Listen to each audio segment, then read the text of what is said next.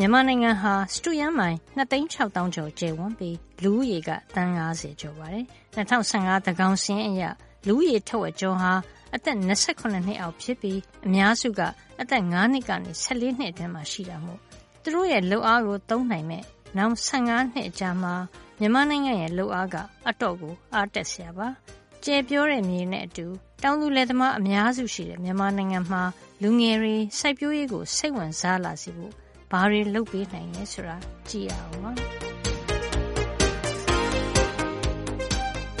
American ပြည်တော်စု California ပြည်နယ် UC Davis တက္ကသိုလ်မှာစိုက်ပျိုးရေးနဲ့ကျေးလက်ဖွံ့ဖြိုးရေးဆိုင်ရာပညာသင်ယူခဲ့တဲ့ဒေါက်တာမျိုးအောင်ကျော်ကတော့ ဒီအမေရိကန်မှာကျွန်တော်ကယ်လီဖိုးနီးယားပြည်နယ်မှာ Sacramento Valley ဆိုတာရှိတယ်သူတို့စပားတွေစိုက်တော့အဲ့မှာတချို့ farm family တွေရှိတယ် generation လိုက်လေအဲ့မှာလူငယ်တွေကနောက်ပိုင်းကျတော့စိတ်ဝင်စားမှဆိုတော့လေအဲ့ကျွန်တော်တို့ဒီ UC Davis လေတော့တက်ခဲ့တဲ့ University of California Davis က rice နဲ့ပတ်သက်တဲ့ဌာနပေါ့ဒီ young generation farmers တွေကို activities လေးတွေ workshop လေးတွေသူတို့လုပ်လုပ်ပြီးတော့သူတို့အဲ့ဒါလေးတွေနဲ့ဆွဲဆောင်ပြီးတော့ဒီ generation ကိုတဖြည်းဖြည်းဖြည်းဖြည်းဤပညာပိုင်းရောနောက်သူတို့ရဲ့ attitude တိုင်းတွေပါတိုးတက်အောင်အကြခဏ activity တွေလုပ်ပေးတယ်ဒီကျွန်တော်တိုင်းပြည်ကြလဲကျွန်တော်အဲ့လိုလေးလုပ်ပြီးကောင်းပါပဲပေါ့နော်ကျွန်တော်အဲ့ဒါလေးတွေးမိတာပါ ဟုတ်ကဲ့ဆရာအဲ Sacramento မှာ လူငယ်တွေကို စိတ်ဝင်စားလာအောင် လုပ်တဲ့နည်းလေးတွေ ဘယ်လိုတွေ လုပ်လဲ နည်းနည်း ပြောပြပေးပါဆရာ သူတို့ကျောင်းနေမှာလည်း ကျွန်တော်တွေ့တယ်ဗျ ကျောင်းနေဆို elementary တွေမှာ school gardening တွေ သူတို့လုပ်တယ် တခါရီများအဲသူတို့ကျောင်းနေမှာဒီတမန်တလင်းတို့မြေကြီးမရှိတဲ့ နေရာတွေမှာမှ သူတို့က peach soil ပေါ့နော် မြေဆွေးကို80နဲ့ လုပ်ပြီးအဲ့ထဲမှာ အပင်စိုက်ပြီးတော့ပေါင်လေးတွေ အတူလေးတွေလို ဖြစ်အောင်လုပ် ပြီးအပေါ်က frame လေးတွေနဲ့ အပင်လေးတွေစိုက် အဲအဲ့ဒါမျိုးလေးတွေလည်းသူတို့ဆွဲဆောင်ပြီးတော့သူတို့ရဲ့ curriculum မှာထည့်တာလေးတွေလည်းတချို့တွေ့တယ်ပေါ့နော်အဲနောက်ပြီးတော့ကျွန်တော်တို့ဒီ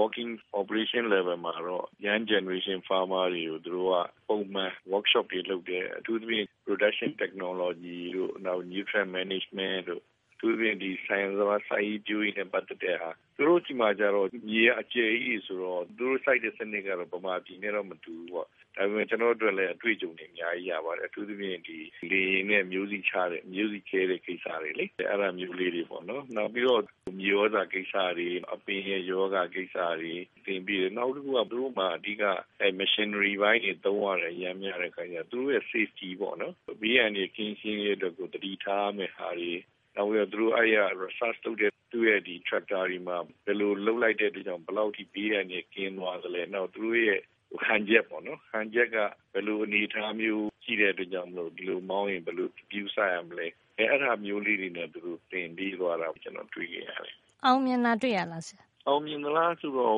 ကျွန်တော်အနေနဲ့ဒီဟာတော့ assessment လုပ်ခွင့်တော့မရဘူးဒါပေမဲ့အဲ့မှာသူက generation က mix ဖြစ်သွားတာပေါ့လူကြီးနဲ့လူငယ်တွေဆိုတော့အဲ့မှာသူတို့ရဲ့တွေ့ကြုံတဲ့ idea တွေ exchange လုပ်လို့ရတယ်နောက်ပြီးတော့တူးနဲ့တူလည်းပို့ပြီးတော့ရင်းနှီးတဲ့အခါကျတော့ဥမာကလေးတွေဆိုရင်ဝင်လာတဲ့အခါကျတော့သူတို့အနေနဲ့ဒီဟာပေါ်မှာရှိန်တာလည်းပါမယ်နောက်ဒီဤပညာပိုင်းတွေကိုပထမပိုင်းတော့သူတို့ဇာမဝင်ခေါ်ပါပေါ့ သူရင်ပတ်တဲ့မရောက်တာပေါ့အဲ့ဒါကိုတဖြည်းဖြည်းဒီဘက်ကတက်ကတူပိုင်းရောနောက်ပြီးတော့ဒီလေသမားကြီးတွေရောအကုန်လုံးဆဲဆောင်စီယုံပြီးတော့သူတို့ချင်းမြော်ဒီ community လေးကတဖြည်းဖြည်း atmosphere လေးကောင်းလာတာပေါ့နော်အဲ့လိုကောင်းလာရင်လည်းတဖြည်းဖြည်းသူတို့ရဲ့ attitude တွေပြောင်းလာအောင်စီယုံတဲ့သဘောလို့ကျွန်တော်မြင်ပါတယ်မြန်မာနိုင်ငံမှာကျတော့ဆရာဘယ်လိုပုံစံမျိုးလုပ်ရင်ကောင်းမယ်လို့မြင်လဲဆရာ ။ကျနော် မြန်မာနိုင်ငံပြန်ရောက်တော့ နာဂစ်ဖြစ်တုန်းက ကွမ်းခြံကုန်းဘက်မှာ တောချောင်းဆိုတဲ့ ရွာလေးပေါ့နော်။အဲဒီမှာ ကျနော့်တပည့်လေးက ကျောင်းလေးတခုလုပ်ရင်းနဲ့ အခုဆိုရင် ၁၀ တန်း ၈-၉-၁၀ ပေါ့။၃၀၀ ပတ်ဝန်းကျင်လောက်ရှိသွားပြီ။တခါတလေ အဲဒီဒေသလေးသွားပြီး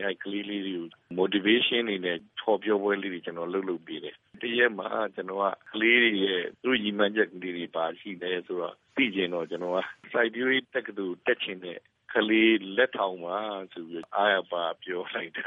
တရားမှလည်းမထောင်အဲ့ဒါအကုန်လုံးကလေသမားသားသမီးတွေကြီးပဲနောက်ပိုင်းကျွန်တော်ပြန်သုံးတတ်တာပေါ့နော်ဆိုတော့အဓိကကတော့သူတို့အနေနဲ့လေသမားမိဘတွေကသူတို့တွေ့နေရတဲ့သူတို့ရဲ့လူမှုဘဝတွေကခက်ခက်ခဲခဲရုန်းကန်ရတယ်သူတို့မှပတ်စံလည်းမလောက်မငဆင်းရဲကြတယ်သူတို့အားချလောက်အောင်မရှိဘူးပေါ့နော်အဲ့ခါကျတော့သူတို့အနေနဲ့ဒီမိဘအဲ့လိုဖြစ်နေတော့သူတို့ဒီကြောင်းတက်ရင်ရောသူချမ်းသာမလားဆိုတော့ အတွေးပေါ့နော်ဒါလေးတွေကရှိလာနိုင်တော့အဲ့ဒါလေးတွေကကျွန်တော်အတွက်ကတော်တော်ကိုစိတ်ထဲမှာအမှတ်တရဖြစ်သွားတယ်အဲ့ဒါနဲ့ဒီလိုစိုက်ရေးပြိုးရေးကိစ္စတွေတိုက်တန်းပြီးတော့ကျွန်တော်ကူညီတဲ့ခါကျတော့အဓိကဘာလဲဆိုတော့အခုခါမှာဒီစိုက်ရေးပြိုးရေးကိစ္စတွေကတိကျက်ကဘာလဲမဒီရတဲ့စီကွက်ပေါ့နော်လုံတိုင်းတစ်ခါကြီးမဖြစ်ကြဘူးလေနောက်ပြီးတော့နေ့ချက်ကဘာလဲဆိုတော့တဘာဝပတ်ဝန်းကျင်တဘာဝဘေးအန္တရာယ်ရဲ့ ထိခိုက်မှုတွေကလည်းသူတို့အတွက်ကတကယ်ကိုလုံတလောက်မပေါက်တဲ့ဟာတွေရှိလာတယ်သုံးချက်ကတော့ဒီလေယာလုပ်ငန်းဆိုတာမျိုးကအချိန်နဲ့ခါနဲ့လုပ်ရတယ်နောက်ယာဒီကိုမှီလုပ်ရတယ်နောက်နေဘူးဆက်ခါ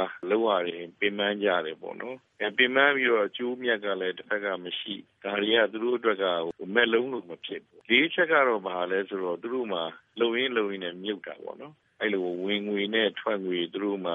မထင်ချိန်တဲ့အပိုင်းတွေရှိတယ်။တစ်ဖက်ကလည်းဆိုရရဲ့ဒီယာဒီလိုက်အမားတော်ကြီးတွေပြီးနိုင်ချင်းငွေတွေပေါ့။ဒါတွေကဘာလဲရောက်လာပြီဆိုသူတို့အနေနဲ့တခြားတလွဲတွေတုံးတာတွေလည်းရှိတယ်။အဲအဲ့ခါကျသူတို့မှကျွေးမိနဲ့ပတ်သက်ဝင်လို့ဝင်ဘူးတွေကလည်းများများလာတဲ့ခါကျတော့သူတို့ရွေးစရာလမ်းကဘာလဲဆိုတော့ပြောင်းရတော့မယ်ဆိုတော့အဲ့လိုအခုခါမှာကျွန်တော်လူငယ်တွေလုံနိုင်ကိုင်းတဲ့ walking force တွေကဟိုမြို့ပြတွေရောက်သွားတယ်ပြီးလို့ရှိရင်နိုင်ငံတကာကိုစွန့်စားရတဲ့အပိုင်းတွေဖြစ်သွားတာပေါ့နော်ဒါကြောင့်မလို့ကျွန်တော်အနေနဲ့ကတော့ဒီဟာကိုဘယ်လိုသူတို့ပြောအောင်ဘယ်လိုလုပ်မလဲဆိုတော့ကျွန်တော်စဉ်းစားလိုက်တော့ပြောအောင်ဆိုလို့ရှိရင်သူတို့ပတ်စံရဖို့လုပ်ပြရမှာပေါ့နော်ပတ်စံရဖို့သူတို့တက်တော့တက်တာနဲ့လုပ်ဖို့ကကျွန်တော်တို့ကဒီနီးပညာပိုင်းတွေကိုဒီချာနားလည်အောင်ကြည်ညက်အောင်ကျွန်တော်တို့ပြီးမယ်ပြီးလို့ရှိရင်တက်တောင့်တက်တာပေါ့ ease of operation ပေါ့ ဒါမျိုးလေးတွေကိုလုံနိုင်တဲ့အခြေအနေလေးတွေဖန်တီးရမှာပေါ့နော်ဒေါက်တာမျိုးအောင်ကျော်ပါနောက်တစ်ပတ်မှာတော့စိုက်ပျိုးရေးမှာနီးသစ်တွေသုံးခဲ့လို့